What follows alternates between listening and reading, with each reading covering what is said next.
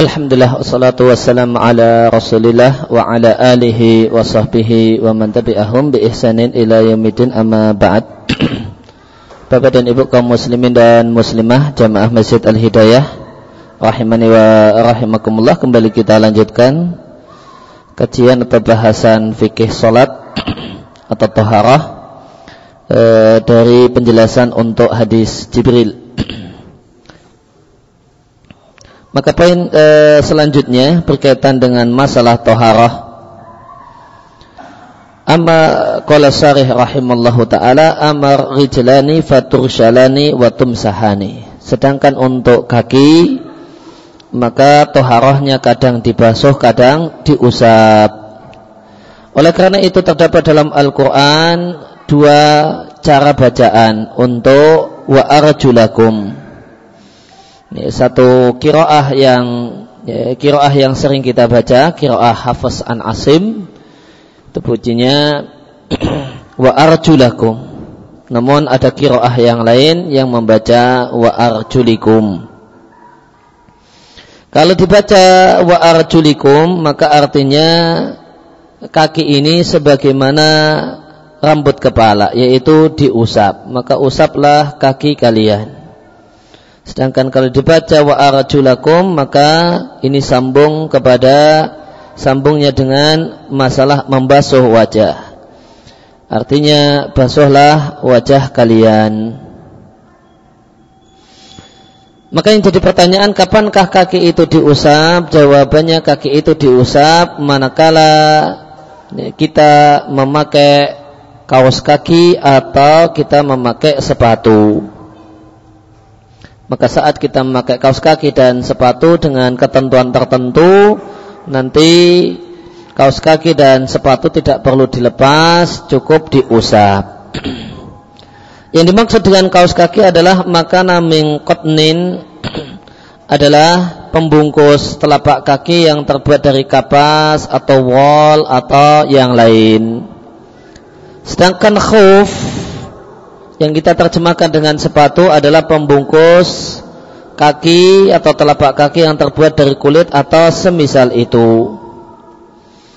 Ya, maka ketika kaki itu dibungkus dengan e, kaos kaki atau sepatu, maka bisa diusap namun dengan empat syarat. Ya, namun ada empat syarat untuk bisa mengusap e, kaos kaki atau mengusap sepatu. Yang pertama, kaos kaki dan sepatu tersebut adalah benda yang suci. Artinya seandainya keduanya misalnya terbuat dari e, kulit yang najis, kulit bangkai yang belum disamak misalnya, maka tidak boleh diusap. Karena adalah satu hal yang kotor menurut syariat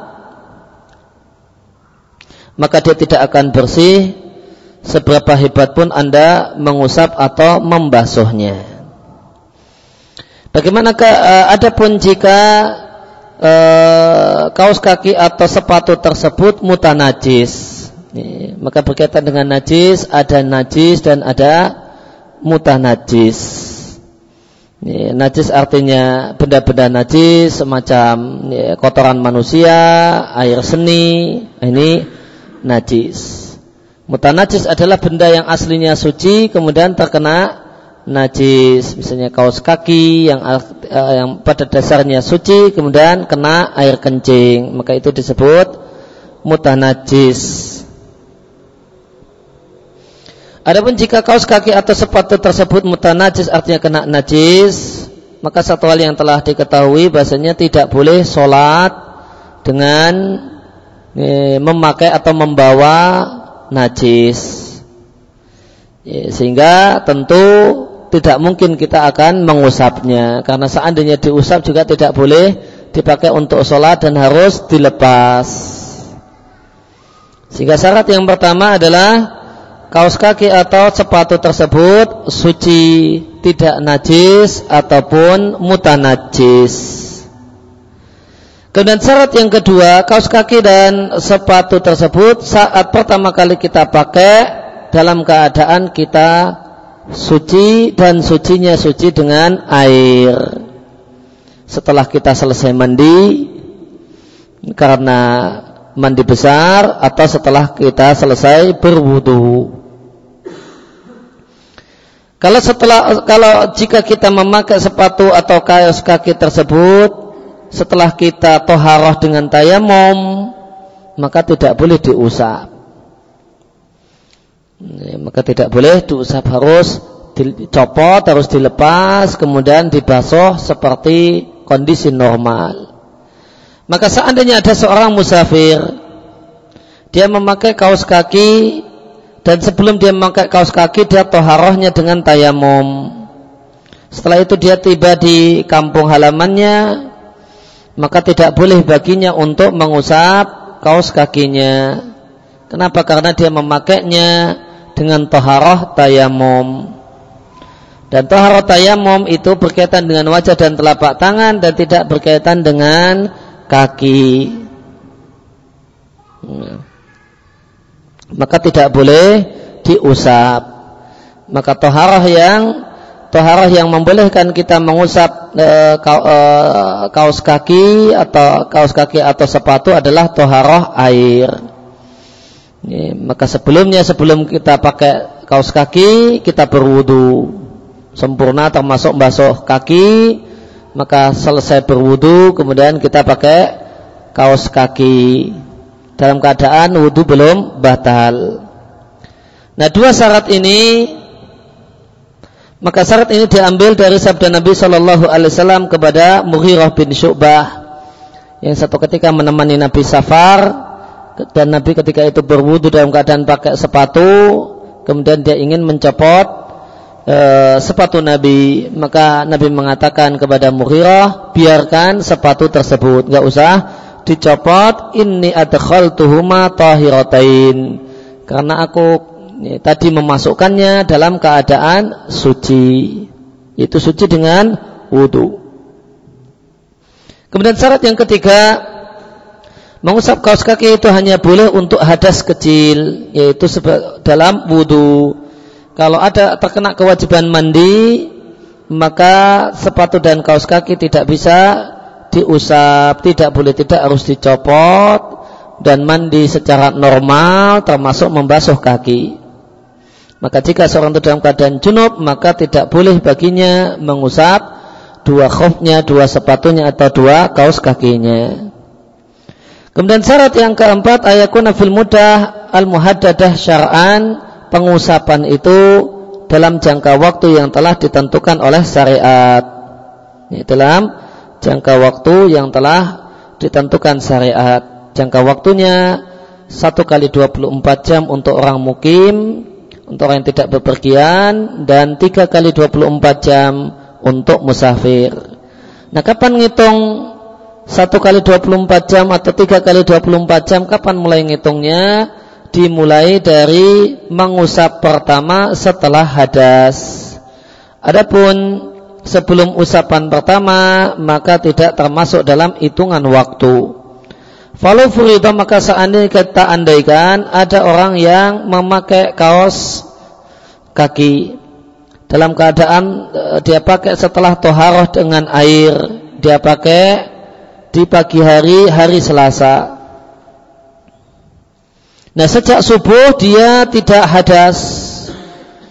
Dia ini makainya makainya memakai kaos kakinya itu subuh hari eh, Selasa. Namun uniknya orang tersebut sampai Isya itu masih pakai toharoh subuh karena dia musafir, tidak kentut, tidak macam-macam di dan melek. Sumana mafilatil arbi'a kemudian tentu dia tidur di malam Rabu.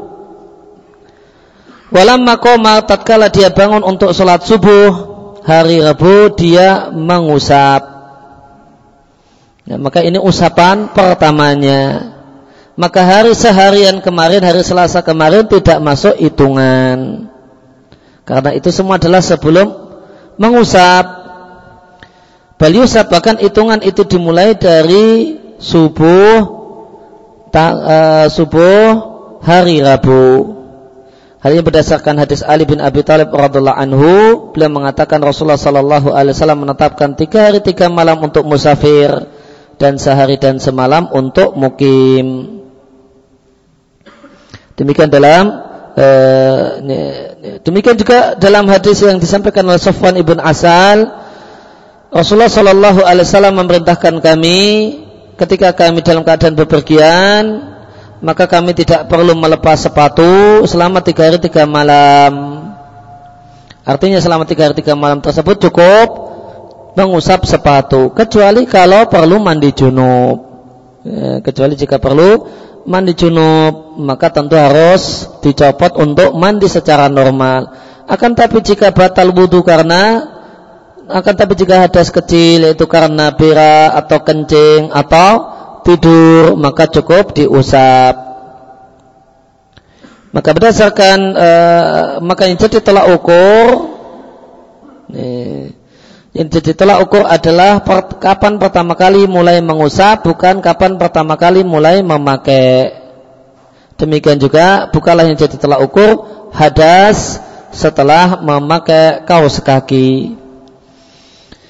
Maka seorang mukim kalau mukim tidak musafir maka dia punya hak sehari semalam sama dengan 21 kali 24 jam. Sedangkan musafir 3 hari 3 malam sama dengan 72 jam. Jika seorang itu mengusap dalam posisi dia mukim ketika mengusap posisi dia adalah mukim setelah mengusap kemudian dia safar sebelum jatahnya mungkin berakhir. Fa innahu yutamimu masal musafirin maka yang menjadi haknya adalah hak musafir yaitu tiga hari tiga malam. Contohnya ada seorang yang hari ini saat sholat subuh memakai kaos kaki. Kemudian dia mengusap untuk sholat duhur dia pakainya kaos kaki untuk sholat subuh.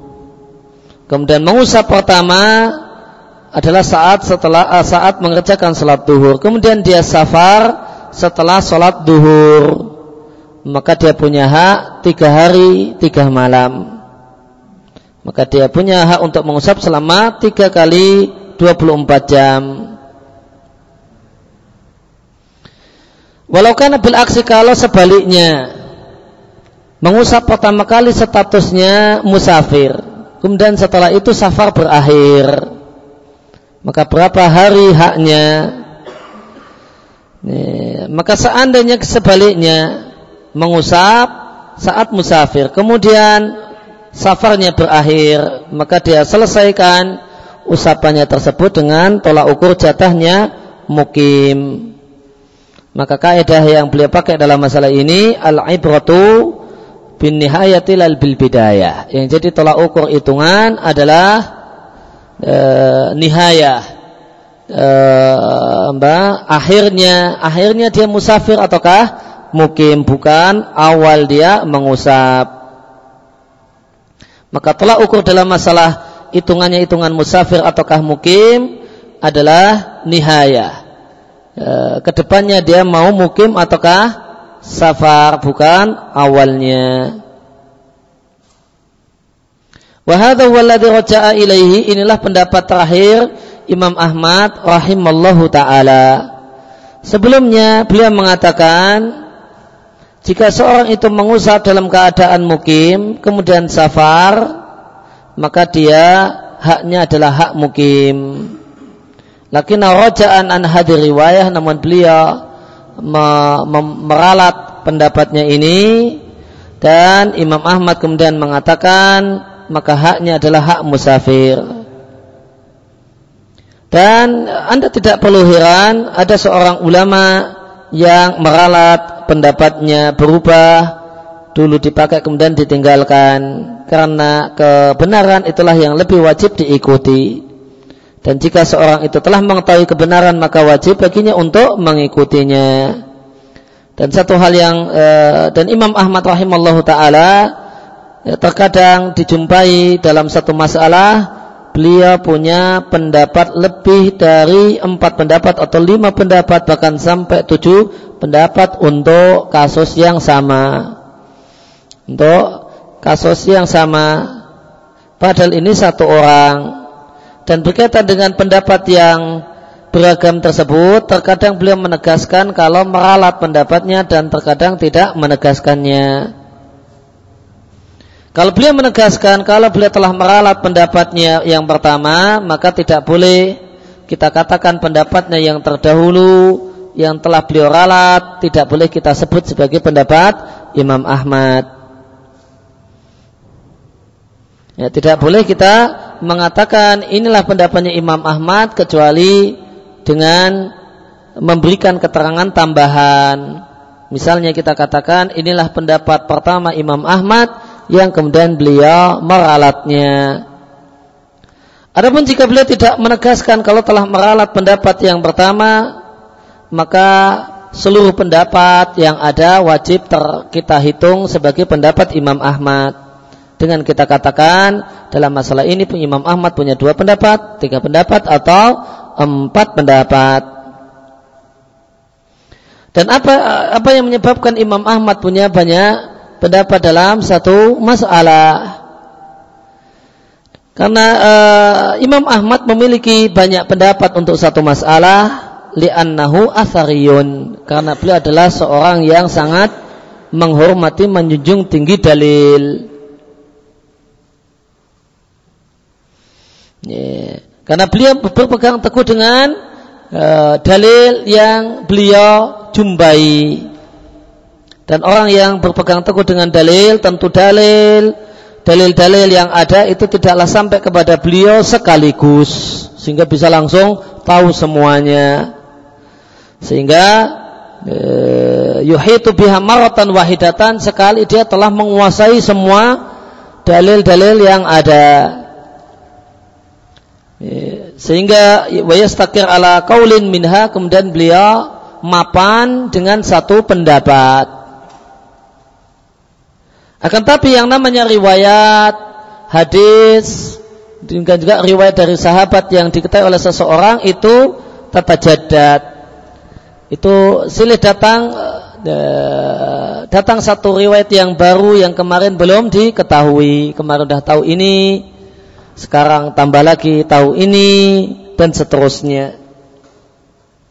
Yungkalahu hadisun al maka misalnya pada hari ini sampai ke beliau satu hadis, kemudian di hari yang kedua beliau dapatkan hadis yang lain dan seterusnya. Ya, maka ya, pada awalnya Imam Ahmad ya, kaidahnya adalah ala ibratu bil bidayah. Yang jadi tolak ukur adalah kondisi pada saat mengusap. Kalau kondisinya pada saat mengusap adalah uh, mukim, maka haknya cuma hak mukim sehari semalam meskipun setelah itu dia safar. Namun nanti repotnya kalau musafir ya. E, musafir. Kalau tolak ukurnya bil bidayah, tolak ukurnya kondisi awalnya. Maka saat musafir e, dia ngusap, punya hak tiga hari tiga malam. Setelah itu dia sampai tempat tujuan atau telah sampai ke rumahnya, masa masih punya hak sampai dua hari lagi? Nah, tentu satu hal yang aneh. Oleh karena itu, pendapat terakhir Imam Ahmad rahimallahu taala dalam masalah hak jangka waktu mengusap, haknya adalah melihat kondisi selanjutnya. Selanjutnya dia mau mukim ataukah selanjutnya dia mau musafir. Kemudian catatan penting berkaitan dengan masalah mengusap kaos kaki ini dan ketahuilah bahasanya jika telah selesai jangka waktu jika telah selesai jangka waktu hak untuk mengusap. Dan saat jatuh tempo akhir akhir hak untuk mengusap seorang itu dalam keadaan suci tidak dalam kondisi hadas tidak dalam kondisi kentut maka toharohnya tidak batal.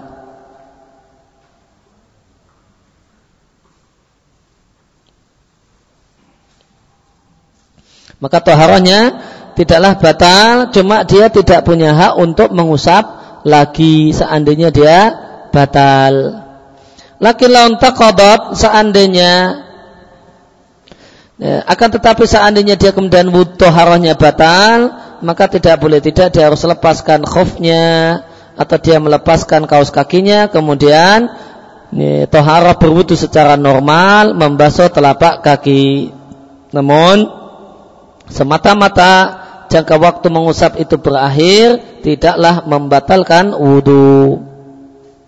Ya, maka di sini disampaikan, misalnya seorang itu jatah uh, ya, eh, berakhir satu hari satu malam itu berakhir eh, misalnya jam eh, 6 sore jam 6 kosong kosong eh, jam 18 kosong kosong jam 6 sore eh, setelah selesai dia sholat maghrib eh, kemudian setelah itu sampai isya dia Eh, jam 6 dia habis waktu waktunya.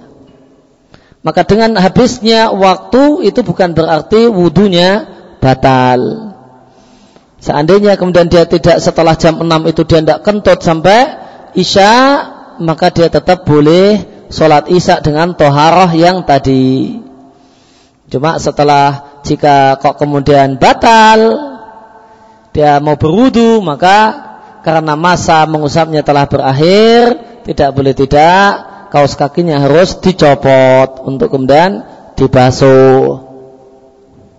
Setelah selesai berwudu sempurna dan basuh mau pakai lagi, boleh. Jika dia mukim, maka punya hak satu hari satu malam lagi. Demikian seterusnya.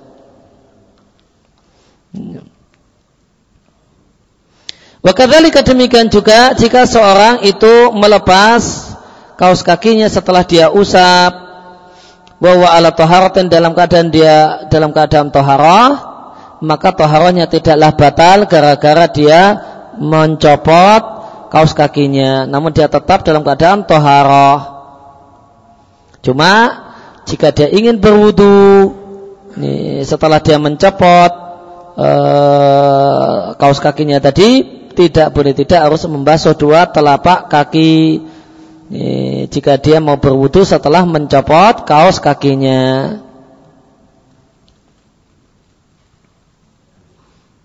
Ya, maka ketika seorang itu uh, dia telah mengusap jatahnya satu kali 24 jam, baru dapat 12 jam, kemudian dia sudah kakinya ada nggak merasa nyaman atau yang lainnya dia copot kaos kaki.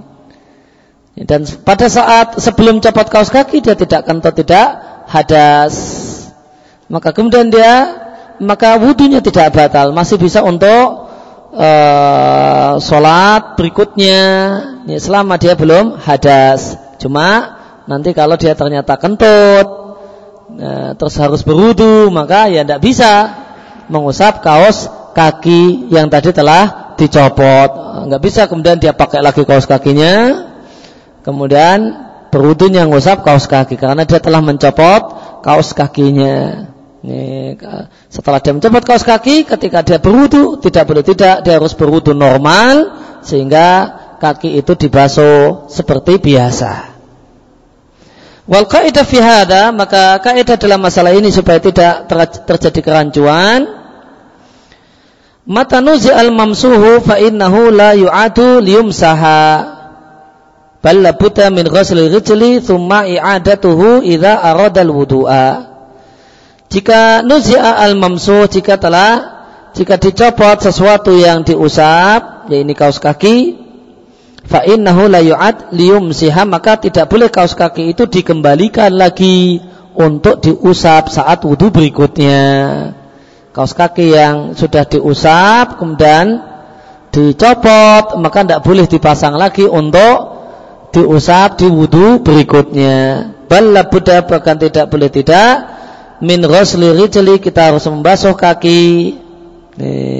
Thumma i'adatuhu tidak boleh tidak harus membasuh kaki. Thumma i'adatu baru kemudian boleh memakai baru boleh memakai uh, kaos kaki.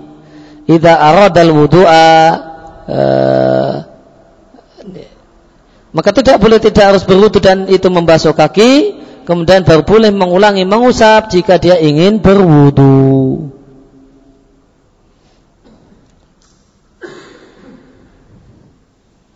Ya, maka inilah empat uh, empat syarat yang disampaikan uh, yang beliau sampaikan.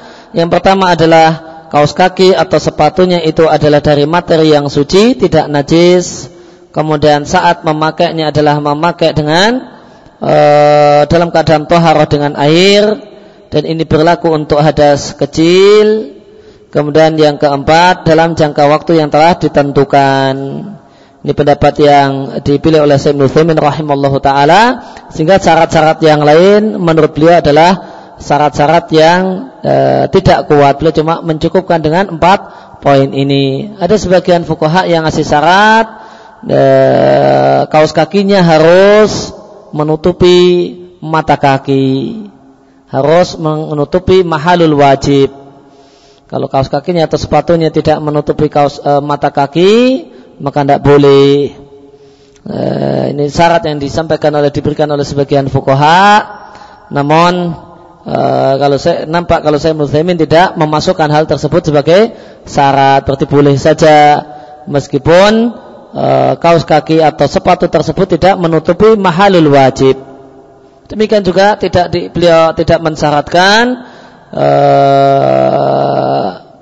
ya, tidak mensyaratkan harus kaos kaki tersebut harus sempurna, tidak boleh bolong atau tidak boleh ini, uh, ada sobean sebagaimana syarat yang diberikan oleh sebagian fukoha, sebagian ahli fikih, maka ini mengisyaratkan ketika beliau mencukupkan diri dengan empat poin, bahasanya itu menurut beliau tidaklah syarat. Artinya seandainya ada bolong dikit, kecil, pernah kemudian uh, apa kemudian atau sobek dikit itu tidak mengapa dan boleh mengusap kaos kaki yang dalam kondisi demikian.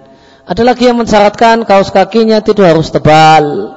Kalau tipis, ya, boleh untuk diusap. Kita lihat ini tidak masuk dalam apa yang beliau bahas maka ini mengisyaratkan kalau menurut beliau ini tidak menjadi syarat. Kaos kaki mau tebal mau tipis uh, boleh saja diusap. Dan insya Allah itulah pendapat yang lebih tepat dalam masalah ini. Ya, kemudian uh, maka poin yang keempat tadi dalam jangka waktu yang telah ditentukan yaitu tiga kali uh, 24 jam untuk musafir atau satu kali 24 jam untuk mukim. Dan tolak ukurnya adalah tolak ukur Eh, sejak mengusap pertama, bukan sejak memakai, bukan sejak hadas, namun sejak ya, mengusap pertama. Seandainya ada seorang berwudu untuk sholat subuh, setelah berwudu dia pakai kaos kaki. Nih, setelah berwudu dia pakai kaos kaki, kemudian jam 7 dia kentut. Nih, maka jam uh, jam uh, maka misalnya kemudian jam 5 dia pakai kaos kaki, jam 5.00 dia pakai kaos kaki, jam 7 kentut, namun dia baru e, berwudu pertama kemudian mengusap saat jam 12.00. Maka hitungan 1 kali 24 jam itu tidak terhitung dari jam 5, tidak pula dari jam 7, namun dihitung dari jam 12.00 maka jika dia mukim satu kali 24 jam sejak 12.00 jika dia musafir eh, maka tiga kali 24 jam sejak 12.00 maka eh, tiga hari tiga malam atau sehari semalam itu dimulai dari usapan pertama bukan memakainya dan bukan hadasnya namun memakai eh, mengusap yang pertama Kemudian jika terjadi perubahan keadaan musafir, kemudian mukim, mukim, kemudian musaf, kemudian bersafar, maka yang jadi tolak ukur adalah keadaan yang baru. Mukim, kemudian musafir, maka dia haknya hak musafir. Musafir, kemudian mukim atau ya, habis safarnya, maka yang jadi tolak ukur adalah nah, statusnya sebagai mukim. ya. Kemudian syarat uh, sah solat berikutnya, syarat yang ketiga adalah istiqbalul kiblati menghadap kiblat. Maka menghadap kiblat adalah salah satu syarat sah solat. Tidaklah sah solat tanpa menghadap kiblat. Karena Allah Subhanahu Wa Taala memerintahkannya. bahkan Allah memberikan perintah dengan berulang-ulang. Eh, Allah perintahkan di surat Al-Baqarah ayat yang ke-150, "Wa min haitsu kharajta fawalli wajhaka syatral Masjidil Haram." Wahai Muhammad di mana saja engkau keluar, engkau bepergian, palingkanlah wajahmu ketika sholat ke arah Masjidil Haram. Ini ditujukan kepada Nabi Muhammad Sallallahu Alaihi Wasallam. Seandainya ayatnya itu cuma ini, sebenarnya sudah cukup. Karena perintah yang ditujukan kepada Nabi itu berlaku untuk umatnya. Karena umatnya pendereknya, mengikuti apa yang uh, apa yang Nabi tuntunkan dan Nabi kerjakan.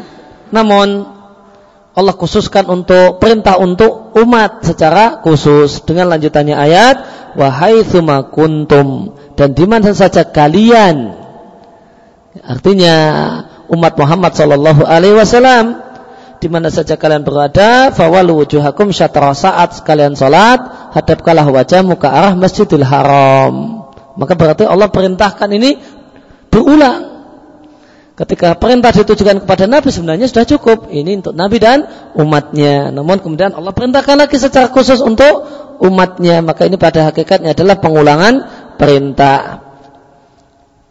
Yang dimaksud dengan syatrahu ay jihatahu arah Masjidil Haram. dan Nabi dan Nabi alaihi wasalam pada saat pertama kali beliau tiba di kota Madinah, beliau salat menghadap Baitul Maqdis. Maka beliau Ya, dan Baitul Maqdis itu arahnya di utara kota Madinah, sedangkan uh, Ka'bah itu di arah selatan. Ya, maka ketika beliau menghadap Baitul Maqdis, maka beliau letakkan Ka'bah itu di belakang beliau. Dan arah Syam, arah Suria, arah Palestina itu di arah depan beliau. Walakin akan tetapi Nabi Shallallahu Alaihi Wasallam setelah ini beliau menunggu-nunggu kalau Allah Subhanahu Wa Taala menetapkan syariat yang tidak seperti itu. Maka beliau bolak-balik menghadapkan wajahnya ke arah langit, menunggu-nunggu kapan turun Jibril membawa wahyu yang memerintahkan untuk menghadap ke arah Ka'bah sebagaimana Allah ceritakan di surat Al-Baqarah ayat yang ke-144 Qad nara sungguh kami melihat engkau wajahmu bolak-balik menghadap ke arah atas falanuwaliyannaka qiblatan tardaha maka sungguh kami akan arahkan wajahmu ke arah yang engkau inginkan. Fawalli wajhaka syatral masjidil haram, maka palingkanlah wajahmu ke arah masjidil haram. Inilah ayat pemindahan kiblat. Al-Baqarah 144 ini adalah ayat pemindahan kiblat tepatnya uh, pemindahan kiblat ada pada kalimat fawalli wajhaka syatral masjidil haram. Maka sebelum turun ayat ini selama 16 atau 17 bulan Nabi dan kaum muslimin menghadap Baitul Maqdis. Maka Nabi maka Allah Subhanahu wa Jalla memerintahkan Nabi untuk menghadap Masjidil Haram. Namun kewajiban untuk menghadap Ka'bah saat sholat itu mendapatkan pengecualian dalam tiga kondisi. Kondisi yang pertama jika seorang itu tidak mampu untuk menghadap ke arah kiblat. Contohnya orang yang sakit tidak bisa geser-geser. Dan arahnya adalah menghadap ke selain kiblat. Dan dia tidak mampu untuk uh, untuk menghadap ke arah kiblat maka kewajiban menghadap kiblat gugur dari orang tersebut dalam gugur dari si sakit dalam kondisi ini mengingat firman Allah taala fattaqullaha mastata'tum Bertakwalah kalian kepada Allah semaksimal kemampuan kalian. Dan maksimal kemampuannya ngadap selatan. Mau ngadap ke barat tidak bisa. Nih, mau ngadap ke barat tidak bisa.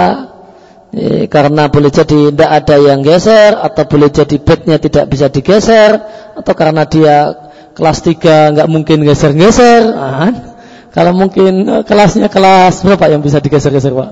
Kelas 1 mungkin atau VIP bisa digeser-geser bednya untuk menyesuaikan diri dengan arah uh, kiblat. Ya, maka wajib untuk uh, digeser-geser. Namun kalau kelas 3 tidak mungkin geser-geser. Geser nabrak samping kiri kanan uh, ribut sama suster, ribut sama ah, macam-macam. Maka Ya sudah, maka maksimal kemampuannya misalnya itu menghadap selatan ya sudah itu maksimal kemampuannya. Demikian juga firman Allah la yukallifullahu nafsan illa wus'aha. Dalil yang lain adalah karena Allah tidaklah membebani seorang kecuali semaksimal kemampuannya dan maksimal kemampuannya menghadap selatan. Demikian juga sabda Nabi sallallahu alaihi wasallam di Arba'in Nawawiyah, "Idza amartukum bi syai' fa'tu minhu mastata'tum." Jika kuperintahkan kalian untuk melakukan sesuatu, maka kerjakanlah semaksimal kemampuan kalian. Kondisi yang kedua adalah ketika seorang itu dalam kondisi ketakutan dan tidak dan dia harus lari ke arah selatan misalnya, atau lari ke arah timur. Nah, tidak mungkin dia uh, berlari ke arah barat. Nih. Contohnya kainsanin haribun min aduin. Seorang yang lari karena dikejar oleh musuh. Musuhnya boleh jadi orang gila yang ngamuk misalnya. Atau uh, haribun min saba'in atau dia lari dari eh, dari dikejar binatang buas. Atau haribun min narin atau lari dari kobaran api karena api merembet menuju ke arahnya. Atau dia lari meninggalkan lembah yarikuhu karena ada datang air bah yang akan menenggelamkannya. Kalau di kita ya lari dari posisi di sungai, tiba-tiba datang air bah. Ya, kalau Arab, ya di Arab oh, oh, orang berada di lembah, tiba-tiba datang air bah. Nah, maka dia harus lari meninggalkannya dan dia lari ke arah yang tidak sesuai dengan uh, arah kiblat kemudian waktu sholat mepet. Ya, dia belum sampai ke finish. Nah, nanti kalau dia tunggu finish, waktu sholat habis, ya dah maka sholat sambil lari. Nah, jadi, boleh sholat sambil lari dalam keadaan tertentu. Mau sambil lari, nah, dikejar orang gila jadi, nah, maka dia sholat. Nah, sambil sholat dan sholatnya sebisanya meskipun menghadap timur, menghadap utara dan uh, baca al-fatihahnya sambil ngos-ngosan, tidak apa-apa. Namun tetap tidak boleh uh, alasan karena sedang uh, lari kemudian dia jadikan alasan untuk meninggalkan sholat sampai waktunya berakhir. Al-muhim yang jelas seorang itu dalam kondisi sangat ketakutan. Maka dalam kondisi ini dia uh, sholat tetap sholat ketika khawatir waktu itu berakhir uh, hai sukana wajah ter, di mana pun arah wajahnya itu tidak masalah dalilnya adalah firman Allah Ta'ala berkaitan dengan masalah perang fa'in khiftum jika kalian dalam kondisi ketakutan yaitu berkecamuknya perang Ketika terjadi kecamuk perang, farijalan aurukbana. Maka adalah kalian tetap sholat, rijalan baik sambil jalan kaki, aurukbanan atau berkendaraan. Faidah amintum. Namun jika kondisinya kondisi normal dan aman, fadkurullah kama. Maka ingatlah Allah yaitu kerjakanlah sholat, sebagaimana yang telah Allah ajarkan kepada kalian yang Allah telah mengajari kalian malam takunu ta'lamun berbagai hal yang eh, sebelumnya kalian tidak mengetahuinya. Maka meskipun kontak ayatnya ini berkaitan dengan masalah perang, namun fa'in khiftum di ayatnya, redaksi ayatnya, jika kalian takut, maka ini bersifat umum, mencakup ketakutan, eh, berbagai macam jenis ketakutan. Kemudian uh, sedangkan dan jika kalian dalam kondisi aman maka ingatlah kalian kepada Allah kerjakanlah salat sebagaimana telah Allah ajarkan.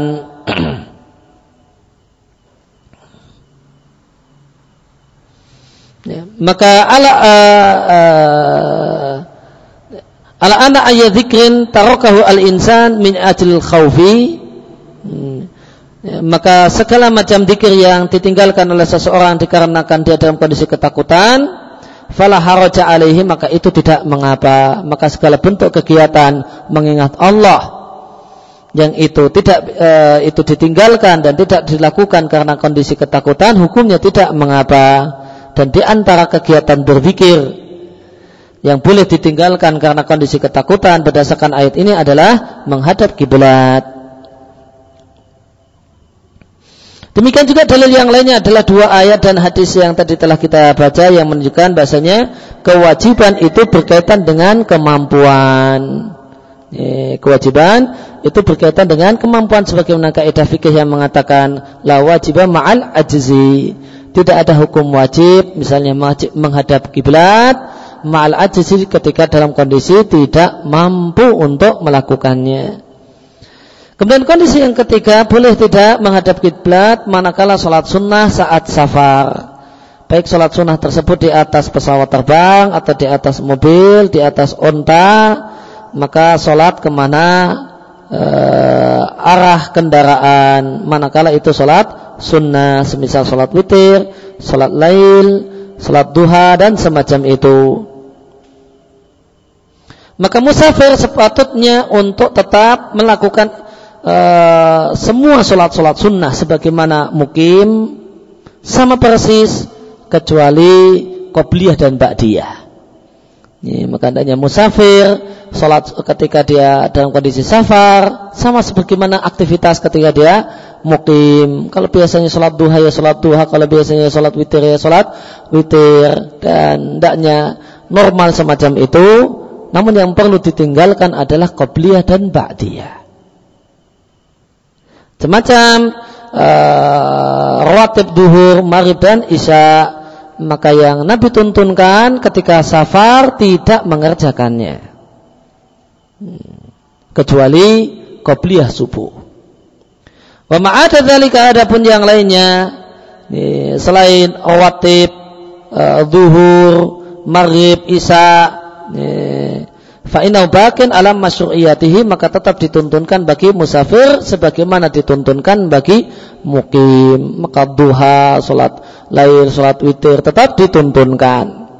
Yang perlu ditinggalkan adalah rawatib. Ini, yang perlu ditinggalkan adalah rawatib selain subuh. Ya, rawatib selain subuh. Maka rawatib selain subuh, zuhur, ya, kalau demikian juga jika kita katakan ada rawatib untuk asar, maghrib, isya, maka lebih afdal kalau tidak dikerjakan bagi musafir. Maka di sini terdapat faedah penting bahasanya afdaliyah itu adalah menyesuaikan diri dengan sunnah. Menyesuaikan diri dengan tuntunan dan bukan tidak mesti yang namanya afdal itu memperbanyak amal. Nah, tidak mesti afdal itu memperbanyak amal. Maka musafir kok malah qobliyah zuhur, ba'diyah zuhur, nah, empat rakaat qobliyah asar. Nah, jika kita mengatakan ba'diyah asar juga ada sebagaimana pendapat sebagian ulama, kemudian qobliyah maghrib, ba'diyah maghrib, nah, ba'diyah isya. Nah, musafir malah rajin semacam itu, itu malah tidak afdal. Pahalanya lebih kurang, nah, malah pahalanya itu malah kurang Malah yang afdal kalau orang temu musafir, duhur cuma sholat duhur. Nah, nggak qobliyah, nggak ba'diyah. Itu pahalanya lebih besar daripada yang qobliyah sama ba'diyah. Nah, itu asar, nah, malah tidak empat rakaat sebelum asar, namun langsung saja sholat asar itu lebih afdal daripada daripada yang empat rakaat sebelum asar. Demikian juga ketika maghrib, demikian juga ketika isya. Hmm, maka itu lebih afdal lebih besar ganjarannya, lebih besar pahalanya. Yang tidak sholat itu malah lebih besar pahalanya. Aneh kan? Nah, yang nggak sholat itu malah pahalanya lebih besar daripada yang sholat. Nih, maka di sini terdapat uh, kaidah penting. Bahasanya afdaliyah itu adalah muafakatus sunnah. Yang namanya afdal dan tidak itu mencocoki tuntunan Nabi. Ini mencocoki tuntunan Nabi. Tidak mesti yang lebih banyak amalnya itu yang lebih gede pahalanya. Boleh jadi yang tidak beramal itu malah yang ganjarannya lebih gede.